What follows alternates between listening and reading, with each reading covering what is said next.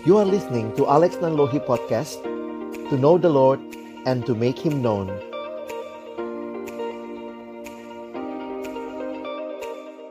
Mari satukan hati kita berdoa sebelum kita membaca merenungkan firman-Nya. Kami datang dalam ucapan syukur, terima kasih banyak ya Tuhan. Karena hari ini kami boleh bersama-sama merayakan kelahiran-Mu. Kami akan bersama-sama membuka firman-Mu ya Tuhan. Kami mohon ketika kami membuka firman-Mu, bukalah juga hati kami. Jadikanlah hati kami seperti tanah yang baik, supaya ketika benih firman-Mu ditaburkan, boleh sungguh-sungguh berakar, bertumbuh, dan juga berbuah nyata di dalam hidup kami. Berkati hambamu yang menyampaikan, semua kami yang mendengar, Tuhan tolonglah kami semua agar kami bukan hanya jadi pendengar-pendengar firman yang setia, tapi mampukan dengan kuasa dan pertolongan dari rohmu yang kudus, kami dimampukan menjadi pelaku-pelaku firman-Mu di dalam hidup kami, di dalam masa muda kami. Bersabdalah ya Tuhan, kami anak-anakmu sedia mendengarnya dalam satu nama yang kudus, nama yang berkuasa, nama Tuhan kami Yesus Kristus Sang Firman yang hidup. Kami menyerahkan pemberitaan firman-Mu. Amin. Shalom, selamat sore teman-teman yang dikasihi dalam Tuhan Yesus Kristus. Selamat menyambut Natal dan hari ini kita bersama-sama bersyukur ya Tuhan beri kesempatan membaca dan merenungkan firman-Nya. Tema yang diberikan kepada kita hari ini adalah Back to God. Ayatnya diambil dari Yakobus pasal 4 ayat 8a ya. Nanti kita akan lihat ayat itu tetapi di bagian awal nanti Kak Alex ingin mengajak kita membaca beberapa ayat yang lain. Menjelang tanggal 25 Desember, ini masa-masa di mana kita sudah mulai siap-siap ya. Besok gereja masuk di dalam minggu Advent yang keempat. Masih dalam situasi pandemi. Ini adalah Natal kedua kita ya dalam situasi suasana pandemi. Tetapi banyak kali Natal hanyalah menjadi sebuah perayaan. Kalau ditanya, apa sih yang paling ingat saudara ingat waktu merayakan Natal? Seringkali mungkin yang kita ingat adalah hal-hal berikut ini. Santa Claus, pohon Natal, kue-kue, hadiah Natal. Sampai ada satu artikel yang saya pernah baca ditulis oleh salah seorang teolog di Indonesia, almarhum. Beliau berkata begini, Mungkin kalau Yesus datang Natalan kita sekarang, Yesus pun sampai terbengong-bengong kagum, ya. Mungkin Yesus akan bertanya, apa hubungannya semua ini dengan aku? Coba, apa hubungannya Yesus sama Santa Claus? Sepupuan, saudara, saudara, gitu ya. Apa hubungannya Yesus dengan pohon Natal? Jadi banyak hal-hal yang mungkin begitu dekat dengan Natal, tetapi apa hubungannya dengan Yesus? Tentu kita tidak menolak kemeriahan Natal ya. Kita tidak menolak hal-hal ini, tetapi biarlah kita ingat bahwa Natal artinya lahir. Dan siapa yang lahir pada waktu Natal? Eh bukan Frosty the Snowman, bukan Santa Claus, tetapi yang lahir adalah Yesus Kristus. Christmas is Jesus birthday. Karena itu teman-teman yang dikasihi Tuhan, mari kita tidak kehilangan makna Natal yang sesungguhnya. What is the most important thing about Christmas? Sebuah kalimat bijaksana berkata, The most important thing about Christmas is the first six letters. C H R I S T. Christmas without Christ tinggal Mas. Emangnya perayaan Mas, Mas bukan ya? Tetapi kita bicara tentang Kristus yang lahir So, our Christmas is empty without Jesus. And Jesus supposed to be at the very heart of our Christmas. Karena itu dalam merenungkan tentang Natal, ada banyak hal yang bisa kita pikirkan. Tetapi mari kita fokus kepada siapakah Yesus ini. Wah, nggak ada habisnya kalau kita mau merenungkan satu demi satu tentang pribadi Kristus. Hari ini Kalex ingin mengajak kita lihat dalam Yesaya 9 ayat yang kelima. Perhatikan sebentar dalam kaitan dengan tema kita. Saya pilih ayat ini untuk nanti kita bisa me menghubungkannya ke Yakobus pasal uh, eh, 4 nanti ya. Nah, Yesaya pasal 9 ayat yang kelima dikatakan sebab seorang anak telah lahir untuk kita. Seorang putra telah diberikan untuk kita. Lambang pemerintahan ada di atas bahunya dan namanya disebutkan orang. Nah, perhatikan. Penasehat ajaib, Allah yang perkasa, Bapa yang kekal, Raja damai. Wah, ini kalau dihotbahkan seminggu sekali ya. Penasehat ajaib, Allah yang perkasa, Bapa yang kekal, Raja damai. Wah, ini sangat mendalam. Nabi Yesaya yang menubuatkan hal ini tentang kedatangan Mesias kurang lebih 700 tahun sebelum kelahiran Yesus. Dan hari ini Kak Alex ingin mengajak kita fokus kepada frasa Raja Damai. Dalam terjemahan bahasa Inggris dipakai istilah Prince of Peace, ya. Nah, apa yang menarik tentang hal ini? Yesaya sebenarnya mengungkapkan empat nama yang menunjukkan kepada Sang Mesias yang dijanjikan. Itu menunjuk kepada Sang Mesias yang dijanjikan. Dan setiap nama ini memiliki arti yang khusus bagi kita. Kita akan renungkan apa artinya Prince of Peace. Berarti karena ini ada kaitan bahasa kerajaan ya. Perhatikan istilahnya Prince of Peace. Maka ini berarti bahwa dia adalah raja damai yang pemerintahannya ditandai dengan keadilan dan kedamaian. His government is one of justice and peace. Teman-teman yang dikasihi dalam Tuhan Yesus Kristus, mengapa menarik sekali waktu bicara tentang damai ini? Karena di mana-mana kita selalu bicara damai gitu ya. Wah, salam damai atau mungkin kita begitu ketemu shalom, itu artinya salam damai ya, sapaan. Dalam bahasa Ibrani, istilah damai sejahtera itu shalom. Kalau bahasa Yunani pakai istilah eirene. Nah, makanya ada orang namanya Iren, Irene begitu ya. Itu dari bahasa Yunani yang berarti damai sejahtera. Dan kata ini bukan sekadar menunjuk kepada ketiadaan perang. Wah, nggak perang, semua aman, damai. Tetapi makna dasar shalom ini adalah keserasian, keutuhan, kebaikan, kesejahteraan, keberhasilan di dalam segala bidang kehidupan. Sehingga bisa kita bayangkan kalau kita menyapa dengan kata shalom. Sebenarnya kita sedang menyampaikan berkat dengan kerinduan supaya semuanya berjalan dengan baik, berjalan dengan sejahtera, berjalan dengan serasi teman-teman yang dikasihi Tuhan. Indah sekali. Tetapi mengapa ini jadi hal yang tidak dinikmati oleh dunia. Kalau kita perhatikan, dosa merusak kedamaian ini. Makanya kalau kalian perhatikan, jangankan ngomong tema kita, kembali kepada Tuhan, boro-boro kembali sama Tuhan. Uang manusia itu pada dasarnya di dalam dosa hancur, terpisah dari Allah. Jadi nggak mungkin bisa kembali kepada Tuhan dengan usaha kita sendiri.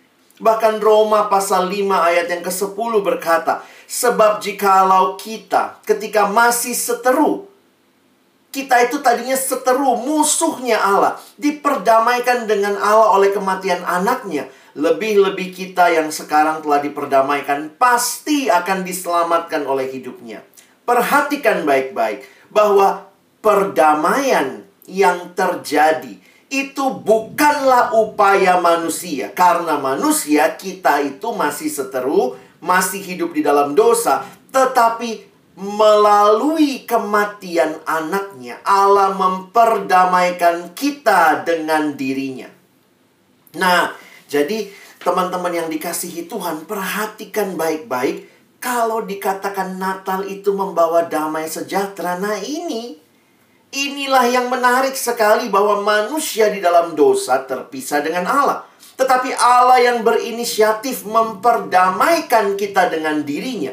Melalui apa? Melalui karya Yesus. Karya Yesus yang mana? Semua karya Yesus harus terkait satu sama lain.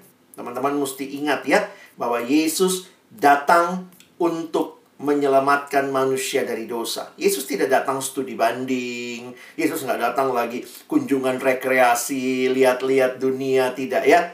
Karena itu perhatikan bagaimana manusia di dalam dosa, manusia yang berkata, aku segala-galanya. Inilah ciri manusia di dalam dosa harusnya manusia yang dicipta itu mengikuti apa yang Allah rindukan. Harusnya kita mempertuhankan Dia. Kita menjadikan Dia pusat hidup kita. Tapi di dalam dosa, manusia berkata, "Aku yang paling penting." How do you spell sin? Ada yang berkata, ya bahasa Inggrisnya, how do you spell sin? S I N. What is sin? Sin is the I in the center. Aku yang paling utama. Sehingga perhatikan, di dalam dosa, manusia yang merasa aku puas, aku senang, aku untung, aku aman. Akulah segala-galanya. Bukan Allah, bukan sesama. Betapa mengerikannya hidup di dalam dosa, hidup yang tidak damai dengan Allah, tidak damai dengan diri sendiri, nggak damai dengan sesama pun tidak damai. Bahkan dosa digambarkan seperti membelenggu kita. Perhatikan di dalam Roma, Paulus menggunakan istilah. Paulus mempersonifikasi dosa. Dosa diibaratkan seperti seorang tuan yang punya budak. Punya hamba. Karena itu Paulus berkata, kamu adalah hambanya dosa. Karena sifatnya dosa itu membelenggu teman-teman. Tidak heran di dalam Alkitab juga Roma 6 ayat 23a menyimpulkan upah dosa ialah maut. Inilah hidup di dalam dosa. Ini boro-boro damai, boro-boro kembali sama Tuhan. Gak mungkin. Ini hidup yang hancur di dalam dosa, ujungnya itu maut. Tetapi perhatikan, Kadang-kadang kalau hafal ayat itu mesti hafal semuanya ya. Kadang-kadang kalau ditanya, coba hafalkan Roma 6 ayat 23. Lalu dia jawab, sebab upah dosa adalah maut. Teman-teman, itu cuma Roma 6 ayat 23 A ya. Kalau hafal ayat mesti lengkap. Nah, lihat ayatnya. Roma 6 ayat 23. Sebab upah dosa ialah maut, tetapi. Nah, ini yang perlu dihafal. Mana yang kadang-kadang lebih penting? Sebelum tetapi atau sesudah? Biasanya sesudah. Sebab upah dosa adalah maut. Aduh, itu berita sangat sedih. Tapi perhatikan belakangnya. Tetapi. Berarti ada jalan keluar terhadap dosa. Tetapi karunia Allah ialah hidup yang kekal dalam Kristus Yesus Tuhan kita. Ini bukan usaha manusia. Karena ini adalah karunianya Allah. Ya, itu penting ya, hafalkan sesudah tetapinya. Jadi jangan cuma hafal Roma 6, 2, 3, sebab upah dosa adalah maut. Jangan cuma hafal berita buruk, hafalkan berita sukacitanya. Tetapi, karunia Allah ialah hidup yang kekal dalam Kristus Yesus Tuhan kita. Dosa itu masalah kita. Sin is our problem. But the solution is from God. Jesus Christ, the God solution for our sin. Jadi ketika engkau dan saya binasa di dalam dosa, Allah punya rencana yang indah. Karunia Allah ialah hidup yang kekal dalam Kristus Yesus. Karena itu dengar berita Natal ya. Bahwa kalimatnya waktu Yusuf berniat menceraikan Maria diam-diam. Lalu pada waktu itu malaikat tampak kepada Yusuf dan ini kalimat malaikat ia, Maria, akan melahirkan anak laki-laki dan engkau Yusuf maksudnya ya akan menamakan dia Yesus karena dialah yang akan menyelamatkan umatnya dari dosa mereka. Perhatikan, tujuan utama Yesus datang adalah untuk menyelamatkan umatnya dari dosa mereka. Teman-teman, inilah berita Natal, berita sukacita. Fokusnya bukan makan-makan, fokusnya bukan kue, fokusnya bukan pohon, fokusnya bukan tukar kado, tapi fokusnya adalah Yesus Kristus. Ini siluet hidup Yesus. Mulai dari dia lahir sampai dia bangkit. Tapi jangan lupa, ini karya yang terkait satu sama lain. Teman-teman jangan cuma romantisme Natal. Wah, Yesusnya di palungan, senang-senang. Tapi ingat, Yesus yang lahir di palungan. Dia bertumbuh, dia besar, dia menderita, dia mati. Tapi dia bangkit, dan inilah satu kesatuan karya yang luar biasa. Memang tidak terpisahkan ya. Masih ingat di mana Yesus bilang sudah selesai? Nah, Yesus tidak bilang sudah selesai di palungan, kalau tiba-tiba ya ada anak bayi ngomong, sudah selesai, lari itu gembala-gembala ya. Yesus tidak bilang sudah selesai di palungan karena dia tidak lahir untuk dia tidak hanya datang untuk lahir. Dia menyelesaikan misinya di kayu salib. Di kayu salib dia berkata sudah selesai. Yang berarti hutang dosamu, hutang dosaku dibayar lunas.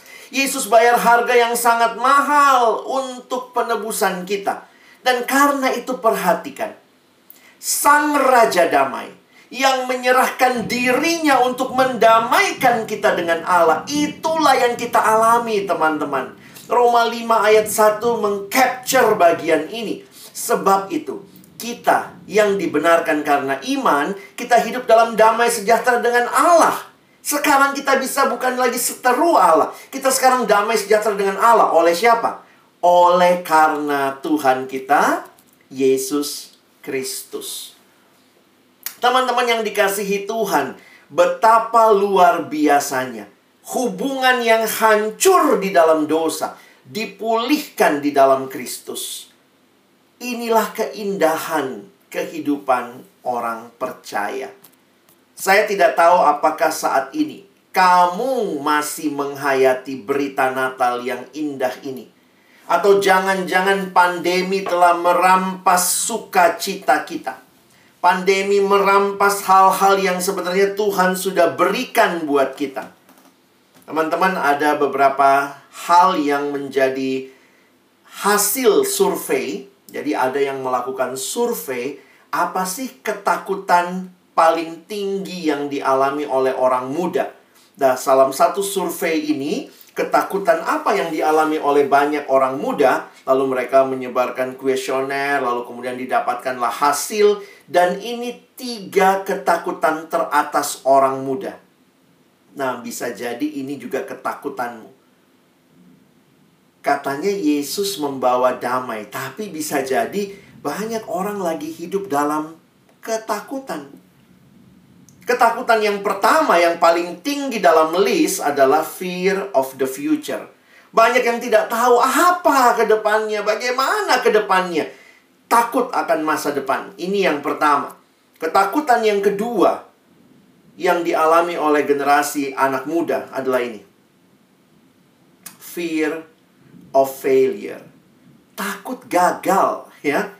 Saya tidak tahu apakah masa-masa seperti ini Khususnya teman-teman ya di tengah-tengah pandemi kalian juga merasa takut gagal atau banyak hal yang sebenarnya kalian rancangkan. Wah, takut juga. Apakah bisa berjalan atau tidak? Teman-teman jangan biarkan ketakutan-ketakutan ini merampas kamu. Karena ingat Tuhan sudah memberikan damai sejahteranya. Dia sudah mendamaikan kita dengan Allah dan realita ini yang sering kali kita lupa. Makanya tema kita, ayo balik lagi sama Tuhan gitu ya. Jangan biarkan kamu dikuasai ketakutan, ketakutan akan masa depan. Padahal Tuhan janji dia yang memegang masa depan. Ketakutan akan kegagalan. Banyak kali boro-boro nyoba lalu gagal. Banyak yang karena takut gagal malah nggak nyoba gitu ya itu juga saya pikir jadi ketakutan melumpuhkan kita. Bagi saya, saya lebih menghargai yang coba lalu gagal. Itu berarti dia belajar sesuatu. Tapi banyak yang tidak pernah mencoba. Tapi bahkan melangkah pun takut. Kenapa? Takut gagal. Padahal belum pernah nyoba. Tuhan mau kita jadi orang yang berani. Dan ini ketakutan ketiga. Wah, ini sedih juga ya. Ini generasi media sosial. Tetapi Ketakutan ketiga teratas adalah ketakutan akan kesepian. Bayangkan teman-teman punya teman ratusan ribuan di Facebook, di Instagram, di mana-mana, tapi ketakutan karena merasa sendiri. Wow, Ini generasi yang juga banyak sekali yang mengalami depresi, khususnya juga masa-masa pandemi ini. Saya nggak tahu ya, karena kita itu tampilnya lewat layar, bagaimana kondisimu yang sebenarnya? Hari ini Kak Alex cuma mau ingatkan kepada teman-temanku, kepada adik-adikku. Jangan takut. berita itu, itu berita yang dibawa malaikat Memang sih Natal itu menakutkan buat orang-orang yang dengar berita itu pada awalnya Maria tahu-tahu dengar kamu bakal hamil. Makanya malaikat bilang jangan takut. Yusuf yang langsung dikasih tahu kamu istrinya udah hamil. Waduh. Jangan takut. Gembala-gembala yang menjaga domba di di padang pada waktu malam tiba-tiba melihat cahaya yang besar lalu kemudian kalimat malaikat jangan takut. Kenapa? Karena Tuhan hadir dan kehadirannya itu cukup bagi kita. Memang ingat, Tuhan tidak pernah janji hidup tanpa pergumulan. Mimpi kalau teman-teman minta hidup tanpa pergumulan. Bukan itu. Tuhan mengizinkan pergumulan. Tetapi apa janjinya? Kalau Tuhan tidak janji kamu tidak pernah alami pergumulan, lalu apa sih yang dijanjikan? Yang dia janjikan adalah penyertaannya. God walks with us in our struggles. Apa itu keindahan hidup? Keindahan hidup bukan waktu hidup tanpa pergumulan. Keindahan hidup bahwa waktu di tengah pergumulan sekalipun engkau sadar, engkau tahu Yesus berjalan bersamamu. Bukankah itu berita Natal? Dia Immanuel, dia Allah beserta kita. Jadi teman-teman, karena Tuhan sudah berikan semua ini, tidak heran ini ayat tema kita. Nasihat yang diberikan Yakobus kepada jemaat yang dia surati. Di dalam Yakobus pasal 4 ayat 8, khususnya 8a yang Abang buat warna merah di sini ya. Dikatakan mendekatlah kepada Allah. Kalau sudah menikmati damai sejahtera itu, ayo dekat kepada Allah dan ia akan mendekat kepadamu. Apakah ini berarti Tuhan ada waktu-waktunya jauh dari kita? Saya pikir bukan begitu poinnya. Ayat ini kalau kalian tafsirkan dengan benar tidak bicara keselamatan karena keselamatan bukan karena kita mendekat sama Allah. Dalam dosa kita tidak mungkin datang kepada Allah. Allah yang datang kepada kita. Ayat ini bicara untuk mereka yang sudah di dalam Tuhan. Ini ayat bicara relasi dengan Tuhan yang menyelamatkan kita. Dengar kalimat saya baik-baik ya, supaya teologiamu benar. Ayat ini tidak bicara keselamatan. Karena keselamatan kita bukan karena kita mendekat pada Allah. Kita manusia berdosa. Kalau begitu, keselamatan itu karena apa? Karena Allah yang menyelamatkan kita. Nah, sesudah Allah menyelamatkan kita, baru ayat ini punya makna mendekatlah kepada Allah, teruslah hidup dalam relasi dengan Allah. Itu yang Tuhan rindukan. Bisa ditangkap? Kalau semua Tuhan sudah berikan, maka nikmati. Kira-kira begitu kali Tuhan mau manggil kita ya. Ayo yang lagi takut-takut, ayo balik sama Tuhan.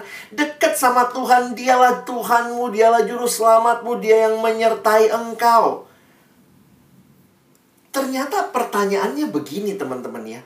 Kalau kita lagi nggak deket sama Allah, kita deketnya sama yang mana? Oh, ini ternyata unik sekali manusia itu selalu akan mendekat kepada sesuatu. Believe it or not, kita itu pasti kalau lagi nggak deket sama Allah, pasti lagi deketin yang bukan Allah. Karena manusia itu diciptakan dalam kebutuhan relasi. Ingat itu. Tuhan yang ciptakan kita, Tuhan yang merancang kita hidup dalam relasi. Nah, menarik sekali kalau nanti kalian baca, coba kalau nanti kalian baca Yakobus 4 ayat 1 sampai 10. Kalex nggak ajak kalian untuk membacanya sekarang. Ayat-ayat ini bicara tentang dua gambaran persahabatan. Jadi ternyata manusia yang sudah diselamatkan, kita tuh selalu pengen relasi. Nah, makanya Yakobus memberikan gambaran tentang dua macam persahabatan. Kalau nanti baca Yakobus 4 ayat 1 sampai 5, itu persahabatan dengan dunia. Lalu ayat 6 sampai 10 itu persahabatan dengan Allah. Ternyata cuma ini pilihannya. Kalau engkau dan saya tidak lagi sahabatan sama Allah, kita pasti lagi sahabatan dengan dunia. Kira-kira begitulah Yakobus memberikan pemahamannya. Karena itu ayat 8 tadi ada di di kelompok mana? Kelompok kanan kan? Ya. Ayo, kalau kamu bersahabat dengan Allah, mendekatlah sama ta, sama Allah, nikmati apa yang Dia berikan. Jadi ayat-ayat ini kalau kalian pelajari, di sini kita bisa belajar apa itu sumbernya uh, persahabatan, motivasi persahabatan dan hasil persahabatan ya. Mungkin Kak Alex tidak bahas semua, tapi kalian bisa lihat ya. Kayak sumber persahabatan dengan dunia. Wah, sumbernya itu dari keinginan daging kalau dengan Allah, sumbernya dari anugerah Allah, keinginan yang Allah berikan kepada kita. Wah, jadi ini inisiatifnya Allah. Kalau itu sumber motivasinya. Kalau dunia motivasinya itu supaya senang memuaskan keinginan daging, keinginan duniawi. Tetapi waktu dengan Allah itu dimotivasi untuk mengalami apa artinya kenikmatan yang kekal? Longing for eternal satisfaction. Dan kalau itu sumbernya, kalau ini motivasinya, lihat hasilnya. Maka persahabatan dengan dunia mengakibatkan yang disebut dengan spiritual adultery. Apa sih itu? Itu adalah perselingkuhan rohani melawan Allah. Sementara persahabatan dengan Allah menghasilkan ketundukan saya tunduk, saya takluk, saya dipimpin oleh Tuhan. Result in submission to the authority of God. Jadi teman-teman yang dikasihi Tuhan, bagian yang kita baca dalam ayat kita, mendekatlah kepada Allah dan ia akan mendekat kepadamu. Ini adalah gambaran bagi kita yang bersahabat dengan Allah. Ayo, karena Tuhan sudah menjadi sahabatmu, nikmatilah dia, mendekatlah kepada dia, jangan kepada dunia. Tidak heran. Coba lihat ayat 4. Yakobus 4 ayat 4. Kalimat dalam bahasa Indonesia, terjemahan baru. Hai kamu orang-orang yang tidak setia. Nah itu dipakai kata Yunani moikalides. Moikalides ini apa nanti uh, Kak Alex jelaskan ya. Tidakkah kamu tahu bahwa persahabatan dengan dunia adalah permusuhan dengan Allah? Jadi bagaimana barang siapa menja hendak menjadi sahabat dunia ini, ia menjadikan dirinya musuh Allah. Nah, teman-teman jangan sahabatan dengan dunia dengan ketakutannya, dunia dengan kekhawatirannya. Kamu adalah sahabatnya Allah karena karya Yesus. Itu yang harusnya kamu nikmati. Yuk dekat sama Tuhan. Menarik sekali di dalam gambaran ini, coba teman-teman perhatikan, kata moikalides ini itu diterjemahkan dalam terjemahan The Message, ini bahasa Inggris, dia pakai istilah cheating on God. Jadi kayak orang selingkuh. Wah, ini gambarnya lebih kuat lagi. Jadi kan Tuhan itu harusnya jadi satu-satunya. Begitu kita main-main sama Tuhan lain, itu namanya selingkuh selingkuh rohani, cheating on God. Karena itu di dalam Alkitab, semua yang selain Tuhan namanya berhala. Hati-hati. Mungkin yang sedang menguasaimu bukan ketakutan. Tadi yang yang Kak Alex bilang tadi ya. Takut masa depan, takut akan uh, kegagalan, kesepian, itu semua negatif itu emosi-emosi negatif. Tapi jangan-jangan ada orang-orang yang sedang tidak dekat sama Allah, tapi kamu sedang dekat sama dunia. Dan dunia digambarkan dengan apa? Semua berhala yang sedang kamu cintai. Gambaran Tuhan tuh romantis ya. Dia itu satu-satunya kekasih kita. Makanya perhatikan terjemahan TSI. Nah, kalau belum tahu ada nih terjemahan sederhana Indonesia ya, Alkitab TSI itu menerjemahkan ayat Mokalides ini dengan kamu sama seperti pelacur. Waduh, Karena gambarannya tadi terjemahan Indonesia, kamu tidak setia. Tadi terjemahan bahasa Inggris, you are cheating on God. Makanya terjemahan ini dengan keras bilang, kamu sama seperti pelacur. Memang pelacur tidak mau setia kepada satu laki-laki. Dan begitu juga kamu tidak mau setia kepada Allah. Hai teman-teman yang lagi tidak dekat sama Tuhan, berarti kamu lagi melacur. Nah, perhatikan itu ya. Dikatakan seharusnya kamu tahu kamu bersahabat dengan hal-hal duniawi berarti memusuhi Allah. Sekali lagi saya ulangi, kata Yakobus.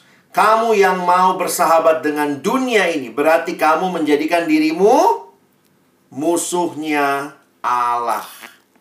Teman-temanku yang dikasihi Tuhan, kalau kita tidak lagi dekat dengan Allah, bisa jadi kita lagi dikuasai kekhawatiran, kita lagi dikuasai banyak hal, ketakutan, dan segala macam. Tapi sisi yang lain, jangan-jangan kamu sedang tunduk kepada berhala yang lain. Karena itu tema hari ini mau mengatakan kita yuk kembali sama Tuhan. Kembali yuk sama Tuhan. Kamu yang sudah khawatir berlebihan, kamu yang udah nggak tenang, balik sama Tuhan. Dia sumber kekuatan, sumber ketenangan kita. Nikmati relasimu dengan Tuhan. Tapi di sisi lain, bangun hidupmu dalam identitas yang benar. Coba ya, kalau ingin contohkan. Kadang-kadang kita bangun identitas kita bukan dari Tuhan, teman-teman, tapi dari dari hal-hal yang lain. Apa itu? Ada yang membangun identitasnya dari saya kerjanya apa. Jadi dia merasa identitasku kalau kerjaanku tuh bagus gitu ya. Jadi identitas dibangun dari what you do. Wah, saya dong dokter, saya dong ekonom, saya dong ahli ini, saya dong ini. Jadi banyak orang sombongnya dari apa yang dia lakukan. Karena melihat kepada apa yang jadi profesinya. Apakah ini juga caramu membangun identitas? Ini cara membangun identitas yang tidak sesuai dengan Tuhan. Sisi yang lain, ada lagi yang membangun identitas dari apa yang dia capai. Wih, dia juara, dia lomba, IPK-nya berapa, begitu ya. Betul, itu hal-hal yang membanggakan, tapi itu bukan sumber identitasmu. Ada juga yang bangun identitasnya dari apa?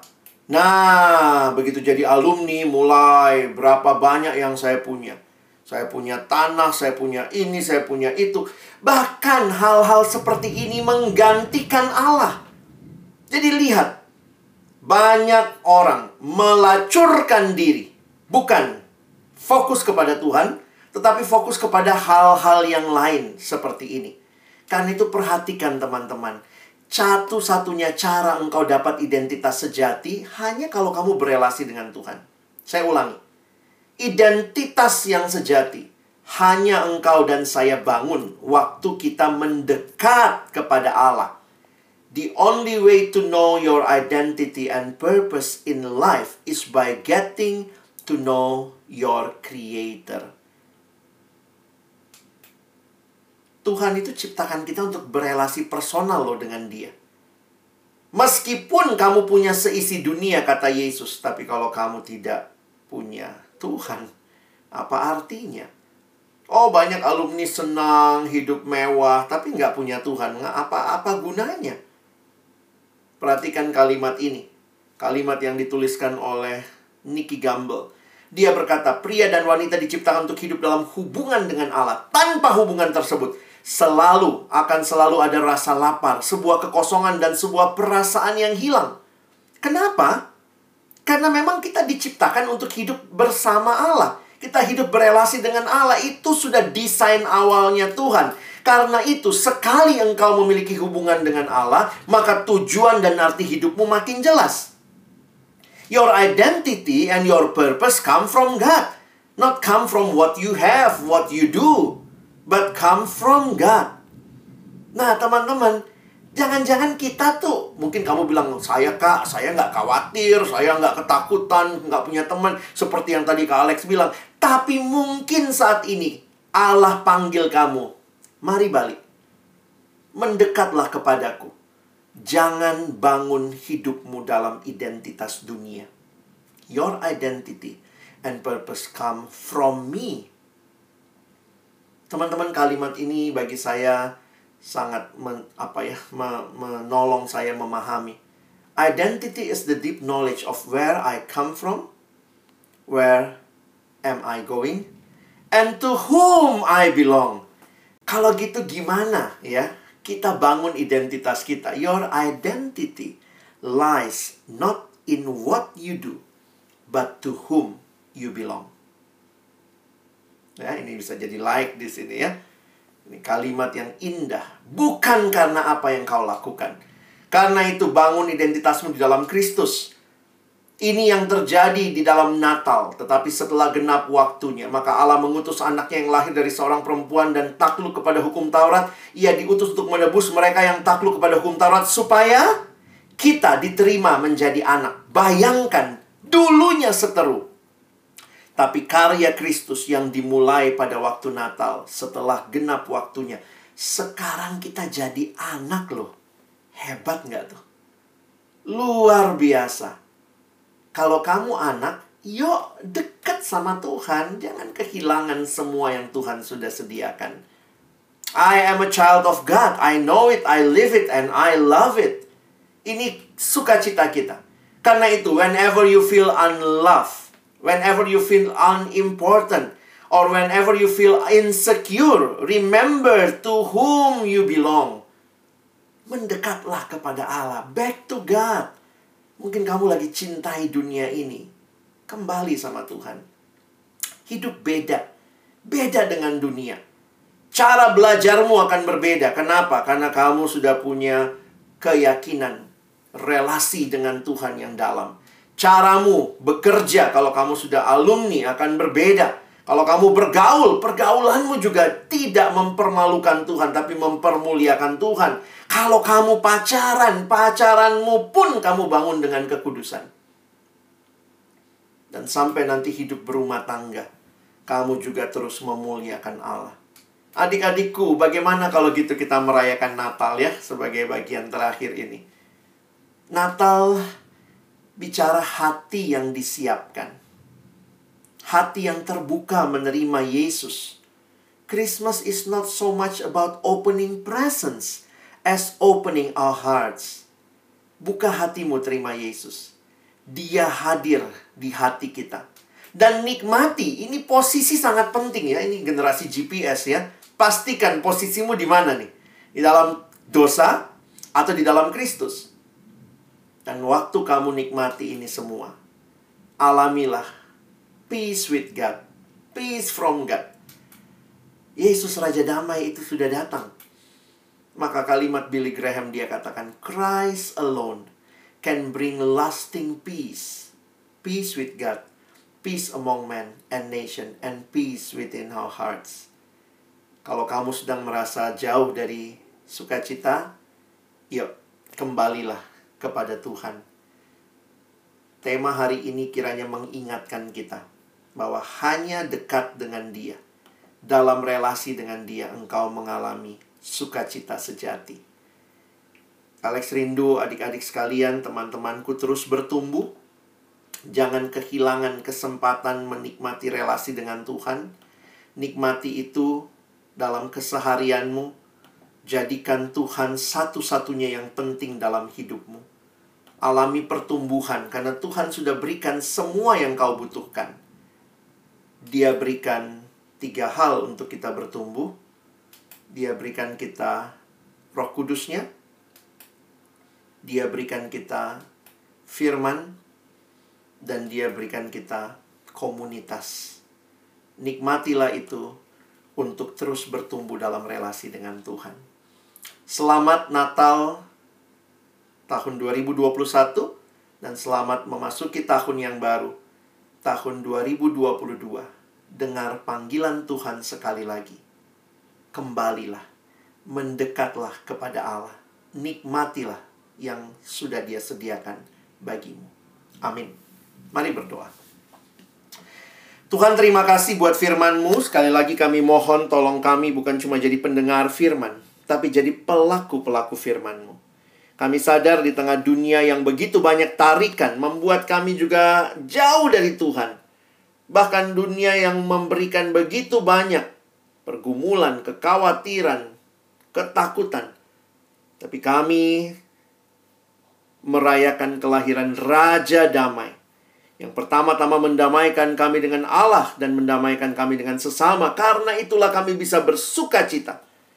Karena kami mengalaminya. Tolong kami semua ya Tuhan, adik-adikku juga yang mendengar firman hari ini. Agar kami bukan cuma jadi pendengar-pendengar firman yang setia, tapi mampukan kami boleh menjadi pelaku-pelaku firman-Mu di dalam hidup kami. Ini doa kami, kami bersyukur dalam nama Yesus kami sudah berdoa. Amin.